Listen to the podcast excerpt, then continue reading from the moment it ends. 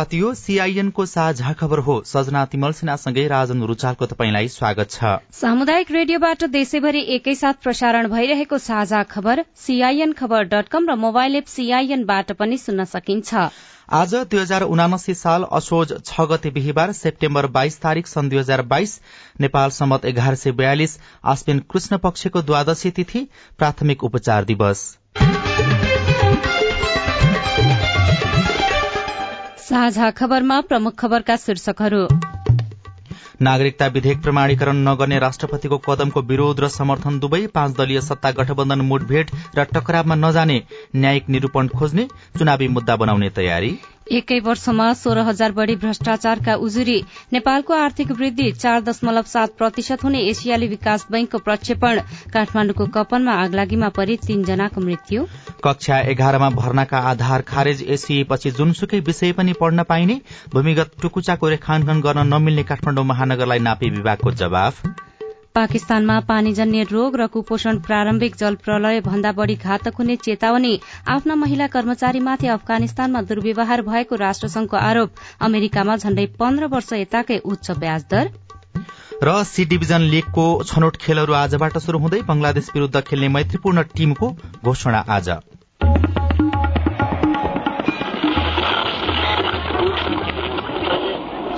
Radio. हजारौं radio कर्मी र करोड़ौं नेपालीको माझमा यो हो सामुदायिक सूचना नेटवर्क सीआईएन साझा खबरको सबैभन्दा शुरूमा नागरिकता विधेयक प्रमाणीकरण नगर्ने राष्ट्रपतिको कदमको विरोध र समर्थन अनि पाँच दलीय सत्ता गठबन्धनको तयारी सम्बन्धी प्रसंग संविधान अवज्ञा गर्ने राष्ट्रपति विद्यादेवी भण्डारीको कदमलाई सत्ता गठबन्धन दलले संविधान भत्काउने र लोकतन्त्र समाप्त पार्ने षड्यन्त्रका रूपमा लिँदै यसको विरोधलाई साझा चुनावी मुद्दा बनाएर जाने निष्कर्ष निकालेका छन्। संसदका दुवै सदनबाट दोहोर्याएर पारित भएको नागरिकता विधेयकलाई समय सीमाभित्र प्रमाणीकरण गर्नुपर्ने बाध्यात्मक व्यवस्था राष्ट्रपतिले उल्लंघन गरेपछि त्यसको प्रतिवाद गर्ने विषयमा हिज दिनभर बालुवाटारमा भएका छलफल र परामर्शपछि सत्ता गठबन्धनका नेताहरू यस्तो निष्कर्ष वर्षमा पुगेका हुन्। नेताहरूले गठबन्धन पक्षधर कानून व्यवसायीसँग समेत बालुवाटारमा परामर्श गरेका थिए। नागरिकता विधेयकका हकमा कानून व्यवसायीले दुईवटा विकल्प गठबन्धनका नेताहरूलाई सुझाएका छन्। पहिलो राष्ट्रपतिले संविधानको कर्तव्य पूरा गर्ने दायित्व उल्लंघन गरेकाले त्यसको व्याख्या अदालतबाट हुनुपर्ने। दोस्रो राष्ट्रपतिले पन्ध्र दिनको संवैधानिक समय सीमाभित्र प्रमाणीकरण नगरेपछि विधायकले स्वत ऐनको मान्यता पाउने दावीका साथ कार्यान्वयनमा लैजाने। यी दुवै विकल्प छोडेर सत्ता गठबन्धनका नेताहरूको प्राथमिकतामा भने चुनावी मसला बनाउनेतर्फ केन्द्रित देखिएको छ। यसअघि नेताहरूले कानूनी उपचारका लागि अदालत र सड़क दुवै मोर्चामा जाने बताउँदै आएका थिए। मधेसका दुई दल जनता समाजवादी पार्टी जसपा र लोकतान्त्रिक समाजवादी पार्टी लोसपाले आन्दोलन शुरू गरिसकेका छन्। मधेसका केही जिल्लामा यी दुई पार्टीका कार्यकर्ताले प्रदर्शन गरेका छन्। गठबन्धन दलहरू आफै सड़कमा नगएर भ्रातृ संस्थाहरूलाई विरोधका कार्यक्रम गर्न आह्वान गरेका छन्।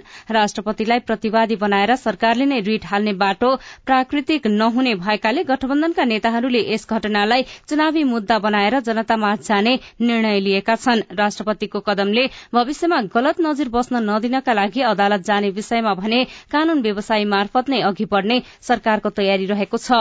हिजो बसेको बैठकपछि पत्रकारहरूसँग कुराकानी गर्दै कांग्रेस नेता संचार तथा सूचना प्रविधि मन्त्री ज्ञानेन्द्र बहादुर कार्कीले भन्नुभयो प्रतिनिधि सभा र राष्ट्रिय सभाबाट पुनः पारित भई प्रमाणीकरणका लागि सम्माननीय राष्ट्रपति समक्ष पेश भएको नागरिकता विधेयक संविधानले सुनिश्चित गरेको पन्ध्र दिनको समय सीमाभित्र प्रमाणीकरण नगरेर राष्ट्रपतिले संविधानको पालना र संरक्षण गर्नुपर्ने कर्तव्यको संवैधानिक व्यवस्थामाथि नै प्रहार गरेको ठहर गर्दछ।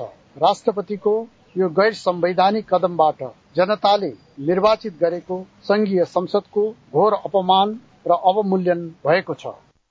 सत्तापक्षले राष्ट्रपतिको कदमको विरोध गरे पनि प्रतिपक्ष दल नेकपा एमाले भने औपचारिक रूपमा कुनै पनि प्रतिक्रिया जनाएको छैन।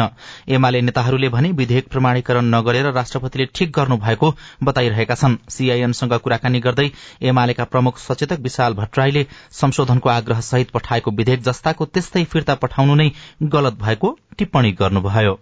राष्ट्रपतिको पुनर्विचार गर्ने त्यो संवैधानिक हकलाई उहाँले सदुपयोग गरेर सुझाव दिँदाखेरि सुन्न पनि तयार नहुने कुराले अलिकति इगो बढायो। उहाँहरूले त्यस किसिमले राष्ट्र अध्यक्षको कुरालाई चाहिँ बिल्कुल अस्वीकार गर्ने कुरा चाहिँ गलत गर्नुभयो। यहाँनिर विवेकको प्रयोग गर्नुपर्छ बहुमतको प्रयोग गर्नुभयो। त्यसले गर्दाखेरि चाहिँ राष्ट्रपतिज्यूले प्रमाणीकरण गर्न इन्कार गर्नुभयो।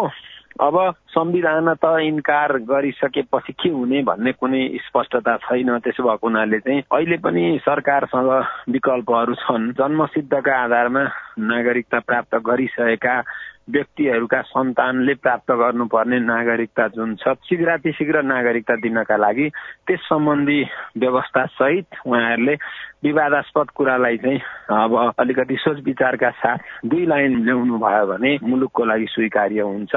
कानूनविदहरूले भने सत्ता गठबन्धनलाई राष्ट्रपतिको कदम विरूद्ध सर्वोच्चमा जान सुझाव दिएका छन्।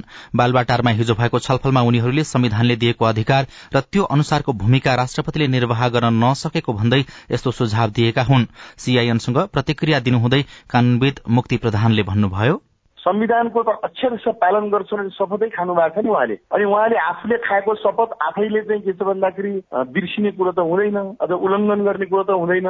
सरकार कसरी जान्छ भन्ने कुरो त आफ्नो ठाउँमा छँदैछ त्यो सरकारले सोच्ने विषय हो र जब राष्ट्रपतिले चाहिँ बाटो बिराम त्यो राष्ट्रपति हो भन्ने कि होइन भन्ने ल भन्नुहोस् न। राष्ट्रपतिले संविधान पालन नगरेको कारणले गर्दा यसमा थोरै छलफल र थोरै कोर्स त लिने नै भयो होइन? राष्ट्रपति विद्यादेवी भण्डारीले नागरिकता विधेयक प्रमाणीकरण नगरी संविधानको उल्लंघन गरेको भन्दै सर्वोच्च अदालतमा रिट परेको छ। विधेयक प्रमाणीकरण आदेशको माग गरी अधिवक्ता डाक्टर सुनिल रञ्जन सिंहले हिजो रिट दायर गर्नुभएको हो। रिटमाथि अध्ययन भइरहेको सर्वोच्च प्रशासनले जनाएको छ। विधेयक प्रमाणीकरण नहुँदा हजारौं नेपाली नागरिकताबाट वञ्चित भएको भन्दै प्रमाणीकरणका लागि आदेश दिन रिट निवेदनमा माग गरिएको छ। यसैबीच उपराष्ट्रपति नन्दबहादुर पुनले राष्ट्रपति विद्यादेवी भण्डारीले नागरिकता प्रमाणीकरण नगरेकोमा आलोचना गर्नुभएको छ। संसदबाट पारित भएर पेश भएको नागरिकता विधेयक प्रमाणीकरण नगरेर राष्ट्रपतिले संविधानको दायरा नाघेको उहाँको प्रतिक्रिया छ। यस्तै पूर्व राष्ट्रपति डाक्टर रामवरण यादवले पनि राष्ट्रपति विद्यादेवी भण्डारीको कदमले देश फेरि प्रतिगमनतर्फ जान सक्ने बताउनु भएको छ। हिजो जनकपुर धाममा आयोजित कार्यक्रममा उहाँले नेपालको लोकतन्त्रमा फेरि कालो बादल छाएको प्रतिक्रिया दिनुभयो।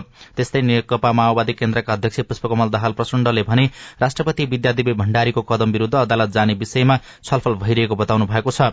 हिजो आयोजित एउटा कार्यक्रममा उहाँले नागरिकता विधेयक प्रमाणीकरण नगर्ने राष्ट्रपति भण्डारीको कदम विरूद्ध अहिले नै सड़क संघर्ष शुरू भएको प्रतिक्रिया पनि दिनुभयो। अख्तियार दुरूपयोग अनुसन्धान आयोगमा गत आर्थिक वर्षमा सोह्र हजार भन्दा बढ़ी उजुरी दर्ता भएको छ जसमध्ये सबैभन्दा बढ़ी संघीय मामिला अन्तर्गत स्थानीय तहसँग सम्बन्धित उजुरी धेरै छन्। स्थानीय तहमा हुने भ्रष्टाचार सम्बन्धी एकतीस दशमलव एक प्रतिशत उजुरी रहेको आयोग प्रवक्ता श्याम प्रसाद भण्डारीले जानकारी दिनुभयो। उहाँका अनुसार स्थानीय तहपछि शिक्षासँग जोड़िएका भ्रष्टाचार मुद्दा उजुरी पन्ध्र दशमलव तीन प्रतिशत छन्। यस सम्बन्धी विस्तृत विवरण समेटिएको आयोगको बत्तीसौं प्रतिवेदन हिजो प्रमुख आयुक्त प्रेम कुमार राईले राष्ट्रपति विद्यादेवी भण्डारी समक्ष प्रस्तुत गर्नु भएको छ। यस्तै भूमि प्रशासनसँग सम्बन्धित सात दशमलव सात प्रतिशत वन तथा वातावरणको चार दशमलव छ प्रतिशत स्वास्थ्य तथा जनसंख्याको तीन दशमलव नौ प्रतिशत भौतिक पूर्वाधार तथा यातायातसँग सम्बन्धित तीन दशमलव आठ प्रतिशत गृह प्रशासनसँग सम्बन्धित तीन दशमलव सात प्रतिशत उजुरी परेका छन्। एक वर्षको अवधिमा पर्यटन तथा वाणिज्य क्षेत्रमा भएको भ्रष्टाचारको उजुरी तीन दशमलव दुई प्रतिशत छ भने ऊर्जा जलस्रोत तथा सिंचाईको तीन दशमलव एक प्रतिशत उजुरी परेका छनृ। सन् दुई हजार तेइसमा नेपालको आर्थिक वृद्धि चार दशमलव सात प्रतिशतमा सीमित रहने एसियाली विकास बैंक एडीबीले जनाएको छ। सन् दुई हजार बाइसको भन्दा आर्थिक स्थिति खस्किने एडीबीले प्रक्षेपण गरेको हो। बैंकले सन् दुई हजार तेइसमा पाँच प्रतिशत वृद्धिको प्रक्षेपण गरेको थियो। एडीबीले एसियन डेभलपमेन्ट आउटलुक एडीओ सार्वजनिक गर्दै सन् दुई हजार बाइसमा नेपालको आर्थिक वृद्धि पाँच दशमलव आठ प्रतिशत हुने भनेको छ। चालू आर्थिक वर्षमा सरकारको आठ प्रतिशतको आर्थिक वृद्धि लक्ष्यको प्रक्षेपण रहेको छ। विश्व सुस्ताएको अर्थव्यवस्था त्यस्तै रूस युक्रेन युद्ध मौद्रिक कड़ाई र चीनको शून्य कोविड रणनीतिमा लगाइएको नाकाबन्दीले नेपालको अर्थव्यवस्थालाई असर गर्ने भनिएको छ। सन् दुई हजार तेइसमा मुद्रास्फीति छ दशमलव एक प्रतिशत हुने परिमार्जित अनुमान गरिएको छ। यसअघि डीबीले नेपालको मुद्रास्फीति छ दशमलव दुई प्रतिशत हुने भनेको थियो। सन् दुई हजार बाइसमा भने नेपालको मुद्रास्फीति छ दशमलव तीन प्रतिशत कायम हुने उल्लेख रहेको छ। कोरोनापछि नेपालको पर्यटन लय फर्किएको प्रतिवेदनमा उल्लेख छ पर्यटक आगमन पूर्व महामारी स्तरमा फर्किन लागेको छ। नेपालसँगै मालदिप्स आर्मेनिया फिजी जर्जिया र सिंगापुरमा पर्यटक आगमन बढ़दै गएको उल्लेख गरिएको छ। यद्यपि तिनीहरू पूर्व महामारीको स्तरमा भन्दा धेरै तल रहेको प्रतिवेदनमा उल्लेख गरिएको छ।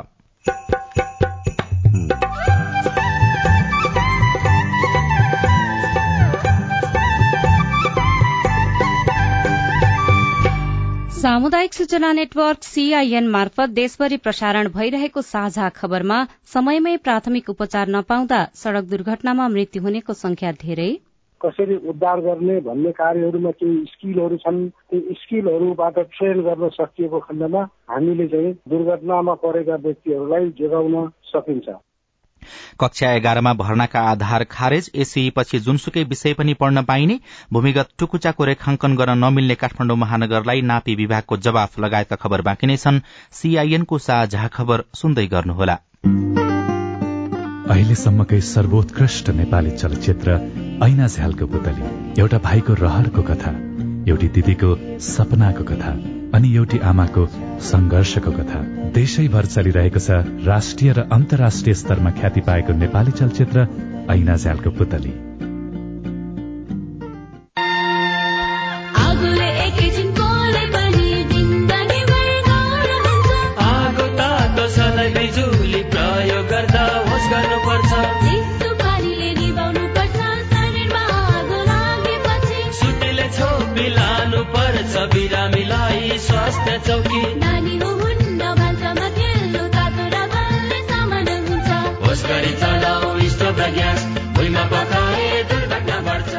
अग्निजन्य दुर्घटना भएमा शून्य एक पचपन्न पचपन्न छ आठ नौमा सम्पर्क गर्नुहोस्। बीबीएस नेपाल ललितपुर।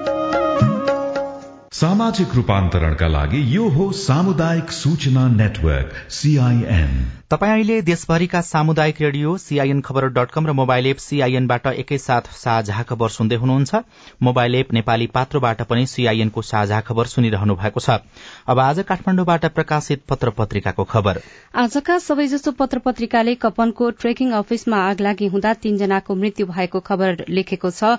हामीले नयाँ पत्रिका दैनिकबाट लिएका छौं। काठमाण्डुको कपन राम मन्दिर नजिकै टंक गुरूङको घरमा रहेको एक ट्रेकिङ अफिसमा आगलागी हुँदा तीनजनाको मृत्यु भएको छ।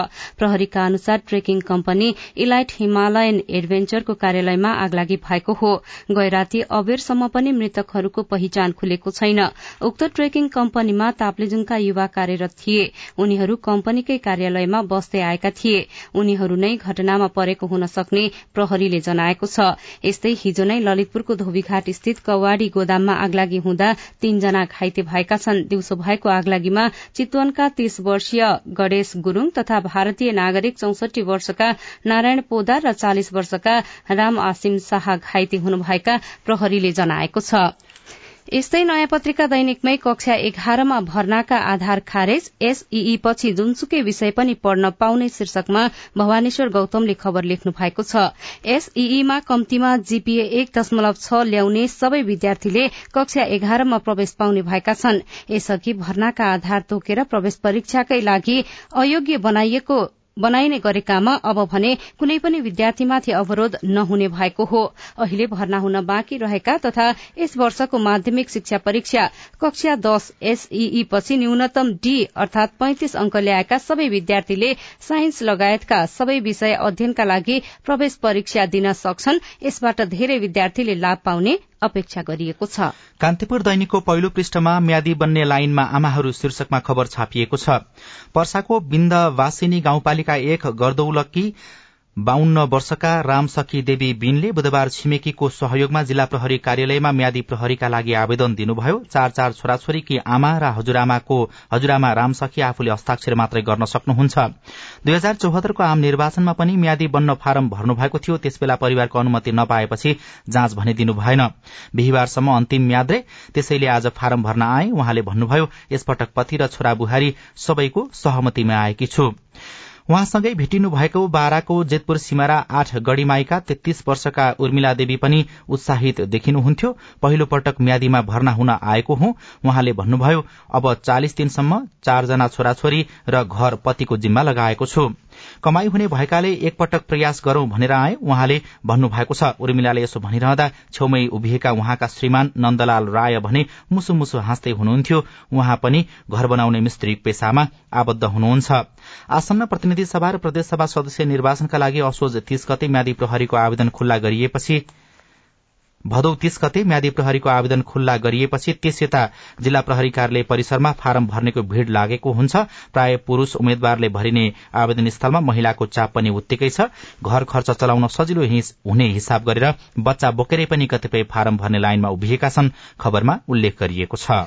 काठमाण्डु महानगरपालिकालाई नापी विभागको जवाफ भूमिगत टुकुचाको रेखांकन गर्न मिल्दैन शीर्षकमा भुवन शर्माले नागरिक दैनिकमा खबर लेख्नु भएको छ। नापी विभागले जय नेपाल सिनेमा हलदेखि कमलादी मोडसम्म भूमिगत भएको टुकुचा खोलाको सतहको रेखांकन गर्न कानूनी रूपमा नमिल्ने जवाफ काठमाण्डु महानगरपालिकालाई दिएको छ। काठमाण्डु महानगरपालिकाले अघिल्लो साता टुकुचा खोला भूमिगत भएको स्थानमा रेखांकन गर्न आग्रह गर्दै नापी विभागलाई चिठी पठाएको थियो।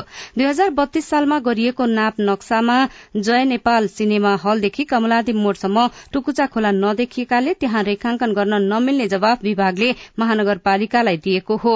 महानगरपालिकाले जय नेपाल हलदेखि कमलादी मोडसम्म भूमिगत भएको टुकुचाको रेखांकन गर्न हामीलाई चिठी लेखेर आग्रह गरेको थियो विभागका सूचना अधिकारी दामोदर ढकालले भन्नुभयो। नदेखिएको स्थानमा खोलाको रेखांकन गर्न कानूनी रूपमा मिल्दैन भनेर हामीले महानगरपालिकालाई प्रष्टसँग भनेका छौं। विभागका अनुसार काठमाण्डुमा दुई सालमै भूमिको नाप जाँच भएको थियो। त्यसपछि दुई हजार एक्काइस र बत्तीस सालमा जग्गा नाप जाँच गरिएको थियो। दुई हजार सालमा काठमाण्डुभरि नाप जाँच गरी मौजा नक्सा तयार गरिएको थियो तर त्यसबेला जय नेपाल सिनेमा हलदेखि कमलादी मोडसम्म जग्गा नारायण हिटी दरबार र राणाकालीन दरबार क्षेत्रमा पर्ने भएकाले त्यहाँ नाप जाँच गराउन सकिएन।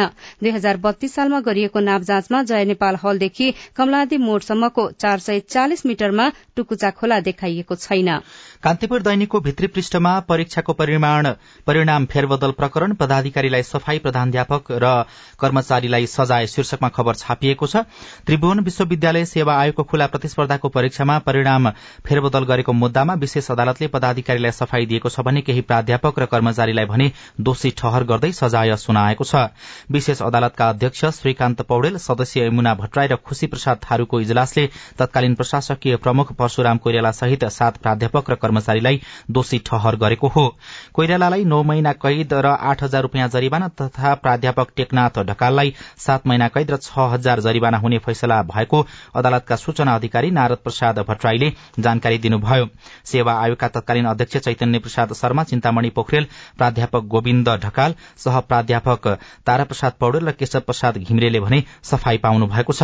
अख्तियारले सेवा आयोगको विज्ञापन नम्बर अठार दुई हजार त्रिहत्तर चौहत्तरमा सोह्र पदको खुल्ला प्रतिस्पर्धामा अनियमितता गरेको आरोपमा सेवा आयोग आयोगका पदाधिकारी प्राध्यापक र कर्मचारी विरूद्ध छुट्टा छुट्टै समयमा दुईवटा मुद्दा दायर गरेको थियो। त्रिवी सेवा आयोगले शुरूको परीक्षामा बाहन्न अंक पाएका विद्यार्थीको अंक घटाएर त्रिचालिस बनाएको थियो। त्यस्तै तेस्रो पत्रमा एकसठी अंक ल्याउँदा सत्तालिस अंक मात्रै दिएर अनुतीर्ण गराएको थियो। तर बत्तीस अंक ल्याएका अर्का परीक्षार्थीलाई भने उत्तर पुस्तिकामा क्रेमेट गरेर बैसठी अंक दिएर पास गराइएको थियो। त्यसमा कार्यवाहीको प्रक्रिया अघि बढ़ेको खबरमा उल्लेख गरिएको छ। साझा खबरमा अब hello CIN Sneha कर्णबाट।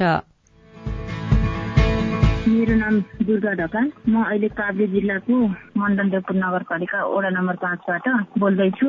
BA first इयरको result के कारणले आउन नसकेको होला? कहिलेसम्म यो रिजल्ट आउँछ? त्यसको पनि जानकारी दिनुहोला। जवाफ दिँदै हुनुहुन्छ त्रिभुवन विश्वविद्यालय अन्तर्गत परीक्षा नियन्त्रण कार्यालय बल्खुका सह परीक्षा नियन्त्रक डाक्टर घनश्याम ठाकुर। प्राविधिक कारणहरू छन् त्यहाँ कोभिडले गर्दा सेन्टर चेन्ज भएको ठाउँ ठाउँमा विद्यार्थीहरू जो जहाँ मन लाग्यो त्यहाँ परीक्षा दिएका थिए कपीमा रोल नम्बर लेख्नु सट्टा मोबाइल नम्बर लेखेका छ विद्यार्थीले। त्यो भेरिफाई गर्नुपर्ने छ एउटा विषयको परीक्षा दिनुपर्ने अर्को विषयको परीक्षा दिइदिया छ। प्रवेश पत्रमा एउटा विषय छ परीक्षाको कपीमा अर्कै विषय लेखिया छ। त्यस्ता थुप्रै कारणहरू छन् जसले गर्दा हामीलाई त्यो सबै म्याचिङ गर्दाखेरि विद्यार्थी सङ्ख्या थुप्रो भएको हुनाले समय लागेको। आशा गरौँ हामी छिटो रिजल्ट दिन्छौँ। नमस्कार मेरो नाम विजय कुमार चौधरी हो। म सुर्खेत जिल्ला चौकुने गाउँपालिकाबाट बोल्दैछु। म चौकुने गाउँपालिकामा कार्यरत कर्मचारी हो। संघीय मामिला तथा सामान्य प्रशासन मन्त्रालयले दुई हजार उनासी साल भदौ बिस गते चाहिँ स्थानीय कर्मचारीहरूको सरुवा गर्यो। तर असोज एक गतेबाट चाहिँ आचार संहिता लागू भइसकेको अवस्थामा रमाना लिएर जान मिल्छ भन्ने कुरा संघीय मामिला तथा सामान्य प्रशासन मन्त्रालयका पत्र शाखा प्रमुख रविन्द्र जङ थापा सरले भन्नुभएको थियो। यस्तो अवस्थामा मैले चाहिँ पालिकामा प्रमुख प्रशासकीय परशुराम उपाध्यायजीसँग भन्दाखेरि नाइ निर्वाचन आयोगमा कर्मचारीहरूको नाम पठाइसकिएको छ जसले गर्दा तपाईँहरूलाई अब रमाना दिन मिल्दैन भन्ने कुरा गर्नुभयो। तर निर्वाचन आयोगमा फोन गरेर सोद्धाखेरि कुनै पनि कर्मचारीहरूको नामावली अझै पठाइएको छैन भन्ने कुरा आएको हुनाले अब यस्तो अवस्थामा रमाना दिनलाई उहाँलाई के अप्ठ्यारो परिराखेको छ? हामीले तपाईँको प्रश्न चौकुने गाउँपालिकाका प्रमुख प्रशासकीय अधिकृत परशुराम उपाध्यायलाई सुनाउँदा उहाँले वडा कार्यालय रिक्त हुन नदिनको लागि अहिलेलाई रवाना नदिने स्पष्ट पार्नुभयो। हामीसँग वडा सचिव चार पाँचजना चाहिँ अभाव छ। दुई तिनजना फेरि सरुवा गरिदियो संघीय मामिलाले। अनि त्यसले गर्दाखेरि यो जुन सरुवा गरेको छ उहाँहरूलाई पनि अब कसरी गरियो कि त हामीलाई जति सरुवा गर्यो त्यति अरू अन्तबाट पठाइदिनु पर्यो होइन? होइन भने त अब म कार्यालय प्रमुखको हिसाबले वडा चलाउनु पर्ने हुन्छ वडा त वडा सचिव खरदार सुब्बा नभएसम्म हुँदैन। त्यो कारणले कार्यालय चलाउने हिसाबले वडा चलाउने हिसाबले कि त काम ठप्प गर्नु पर्यो मैले होइन? हिजो मात्रै मेरो त्यहाँको वडा अध्यक्ष र त्यहाँ उहाँसँगै मेरो कुरा भयो। तपाईँ दुई महिना पर्खिनुहोस् दुई महिनापछि चाहिँ हामी अब अरू कर्मचारी कहीँ खोज्छौँ। त्यसपछि मात्रै मैले दिन सक्छु तपाईँलाई मैले भनेको थिएँ। यो सवालमा संघीय मामिला तथा सामान्य प्रशासन मन्त्रालयका सहसचिव रघुराम विष्ट भन्नुहुन्छ। स्थानीय तहको सरुवा अथवा हामीले कामकाज खटाउँदाखेरि सम्बन्धित स्थानीय तहको लिखित सहमतिमा पठा हो। त्यो भएर उहाँको सहमति बिना पठाएको छैन। उहाँले सरुवा भएको मान्छे दुई महिना पछाडि जान नि पाउँछ। कि अहिलेको चुनावको परिप्रेक्ष्यमा ढिलो जाँदाखेरि हुन्छ। अर्को कर्मचारी व्यवस्था गर्न सक्यो भनेदेखि अहिले रमाइलो लिएर जानु नत्र नगए हुन्छ। तपाईँ जुनसुकै बेला हाम्रो टेलिफोन नम्बर शून्य एक बान्न साठी छ चार छमा फोन गरेर आफ्नो विचार गुनासो प्रश्न तथा प्रतिक्रिया रेकर्ड गर्न सक्नुहुनेछ। साझा खबरमा अब विदेशका खबर। संयुक्त राष्ट्रसंघका अधिकारीहरूले पाकिस्तानमा बाढ़ीका कारण उत्पन्न पानीजन्य रोग र कुपोषण प्रारम्भिक जलप्रलय भन्दा बढ़ी घातक हुने चेतावनी दिएका छन्। राष्ट्रसंघका मानवीय सहायता संयोजक जुलियन हर्निसले पाकिस्तानले डेंगी औलो हैजा झाडा पखला र कुपोषण जस्ता रोगका कारण दोस्रो विपत्तिको सामना गर्नु परेको बताउनु भएको छ। पाकिस्तानमा मनसुनी वर्षाका कारण एक तिहाई भूभागमा बाढ़ी आएको र करिब एक हजार छ सय भन्दा बढ़ीको मृत्यु भएको सरकारी तथ्याङ्कले देखाएको छ। सत्तरी लाख भन्दा बढ़ी मानिस भने विस्थापित भएका छन्। संयुक्त राष्ट्र संघले अफगानिस्तानमा शासन चलाइरहेको तालिबानले आफ्ना महिला कर्मचारीलाई दुर्व्यवहार गरेको आरोप लगाएको छ। तालिबान अधिकारीहरूले आफ्ना महिला कर्मचारीलाई धम्काएको एवं दुर्व्यवहार गरेको राष्ट्रसंघले आरोप लगाएको हो र अमेरिकी केन्द्रीय बैंकले ब्याजदरलाई झण्डै पन्ध्र वर्ष यताकै उच्च तहमा पुर्याएको छ। फेडरल रिजर्भले मुख्य दरलाई अर्को शून्य दशमलव सात पाँच प्रतिशत बिन्दुले बढ़ाउने र लक्ष्य दायरा तीन तीनदेखि तीन दशमलव तीन पाँच दुई पाँच प्रतिशतसम्म पुर्याउने लक्ष्य राखेको जनाएको छ। ऋणको लागत अझै बढ़ने बैंकले जनाएको छ। साझा खबरमा अब खेल खबर। आउँदो मंगलबार हुने बंगलादेश विरूद्धको मैत्रीपूर्ण खेलका लागि नेपाली राष्ट्रिय फुटबल टोलीको घोषणा आज हुँदैछ। अखिल नेपाल फुटबल संघ एन्फाले दशरथ रंगशालामा हुने खेलका लागि दिउँसो तीन बजे पत्रकार सम्मेलन मार्फत नेपाली टोलीको घोषणा गर्ने भएको हो। मैत्रीपूर्ण खेलका लागि बन्द प्रशिक्षणमा हाल तीसजना खेलाड़ी सहभागी छन्। र शहीद स्मारक सी डिभिजन लीग फुटबल अन्तर्गतको छनौट खेल आजबाट शुरू हुँदैछ। एन्फा कम्प्लेक्समा हुने छनौट खेल मंगिर एक गतेसम्म चल्नेछ। एन्फाले सार्वजनिक गरेको खेल तालिका अनुसार बैसठी क्लबलाई बीस समूहमा विभाजन गरिएको छ। दुई समूहका विजेता सी डिभिजन लीगमा छनौट हुनेछन्। सड़क दुर्घटनाबाट मृत्यु हुनेको संख्या घटाउन प्रारम्भिक उपचारको आवश्यकता रेडियो रिपोर्ट अरू खबर र कार्टुन पनि बाँकी नै छ। सीआईएनको साझा खबर सुन्दै गर्नुहोला। एक वर्षमा चौबिस महिना सुनेको छ छैन। नसुने सुने हालौ नबुझे बुझी हालौ अब एक वर्षको रिचार्ज गरेर दुई वर्षसम्म डिसोम हेर्न पाइन्छ भने भएन त एक वर्षमा चौबिस महिना। अनि रिचार्ज चाहिँ कसरी गर्ने नि? डाइरेक्ट डिलर दाइकोमा गएर फन्ड ट्रान्सफर मार्फत रिचार्ज गरे भइहाल्यो नि। अझ प्रत्येक साता सो साताभरिमा एक वर्षको लागि रिचार्ज गर्नेहरू मध्येबाट एकजनालाई विकली लकी ड्र मार्फत नगद रु एक लाख पुरस्कार पनि दिइन्छ। डिस होमको तर्फबाट दशैं तिहार तथा छठ पर्वको शुभकामना। साथै यो सेवा आइएमई पे ई सेवा र खल्तीबाट पनि अनलाइन रिचार्ज गर्न सकिन्छ। कनेक्सन। सामाजिक रूपान्तरणका लागि यो हो सामुदायिक सूचना नेटवर्क सीआईएन साझा खबरमा अब सड़क दुर्घटना र प्राथमिक उपचारको प्रसंग। गत आर्थिक वर्षमा मात्रै सड़क दुर्घटनामा परि दुई हजार आठ सय भन्दा बढ़ीको मृत्यु भयो। दुर्घटनास्थलबाट उद्धार गरी अस्पताल पुर्याउँदासम्म धेरै ढिला हुने भएकाले मृत्यु संख्या बढ़ने गरेको चिकित्सकहरू बताउँछन्। यदि दुर्घटना स्थलमा घाइतेले सामान्य प्राथमिक उपचार मात्र पाउने हो भने पनि दुर्घटनाबाट हुने मृत्यु दर अस्सीदेखि नब्बे प्रतिशतसम्म कम गर्न सकिने स्वास्थ्य क्षेत्रका जानकारहरू बताउँछन्।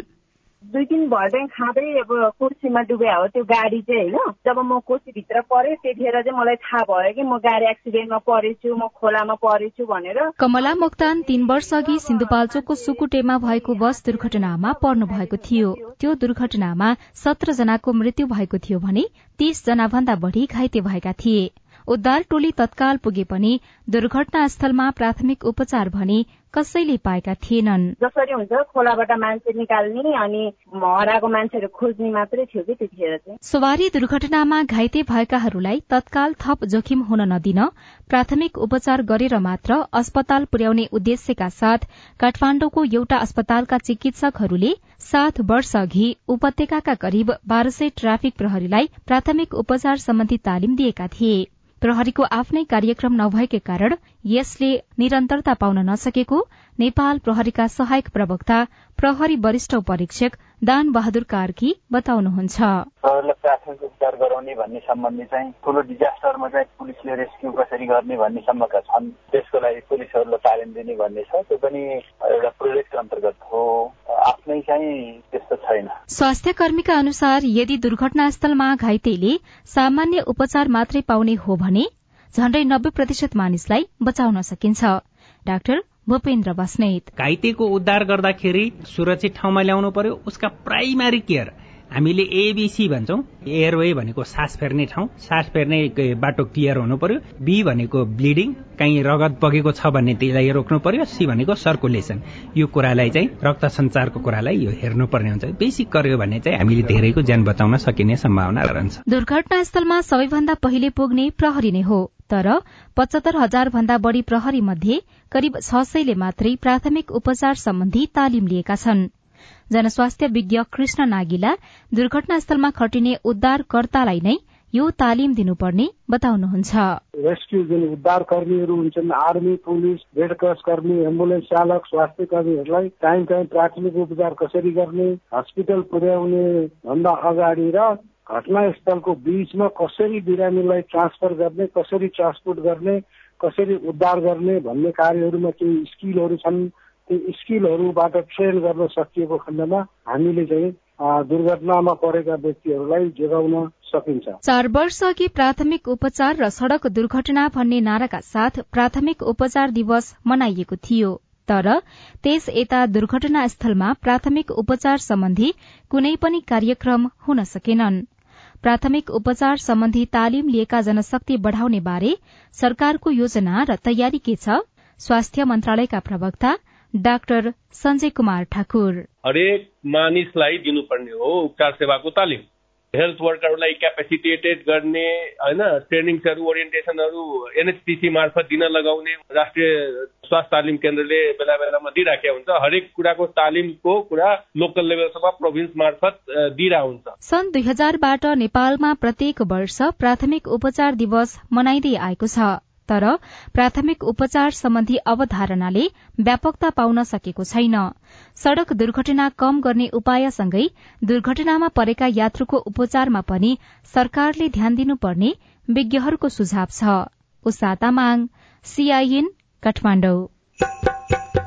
रिपोर्टसँगै हामी साझा खबरको अन्त्यमा आइपुगेका छौं। सामुदायिक रेडियो प्रसारक संघद्वारा संचालित सीआईएनको बिहान छ बजेको साझा खबर सक्नु अघि मुख्य मुख्य खबर फेरि एकपटक। नागरिकता विधेयक प्रमाणीकरण नगर्ने राष्ट्रपतिको कदमको विरोध र समर्थन दुवै पाँच दलीय सत्ता गठबन्धन मुठभेड़ र टकरावमा नजाने न्यायिक निरूपण खोज्ने चुनावी मुद्दा बनाउने तयारी।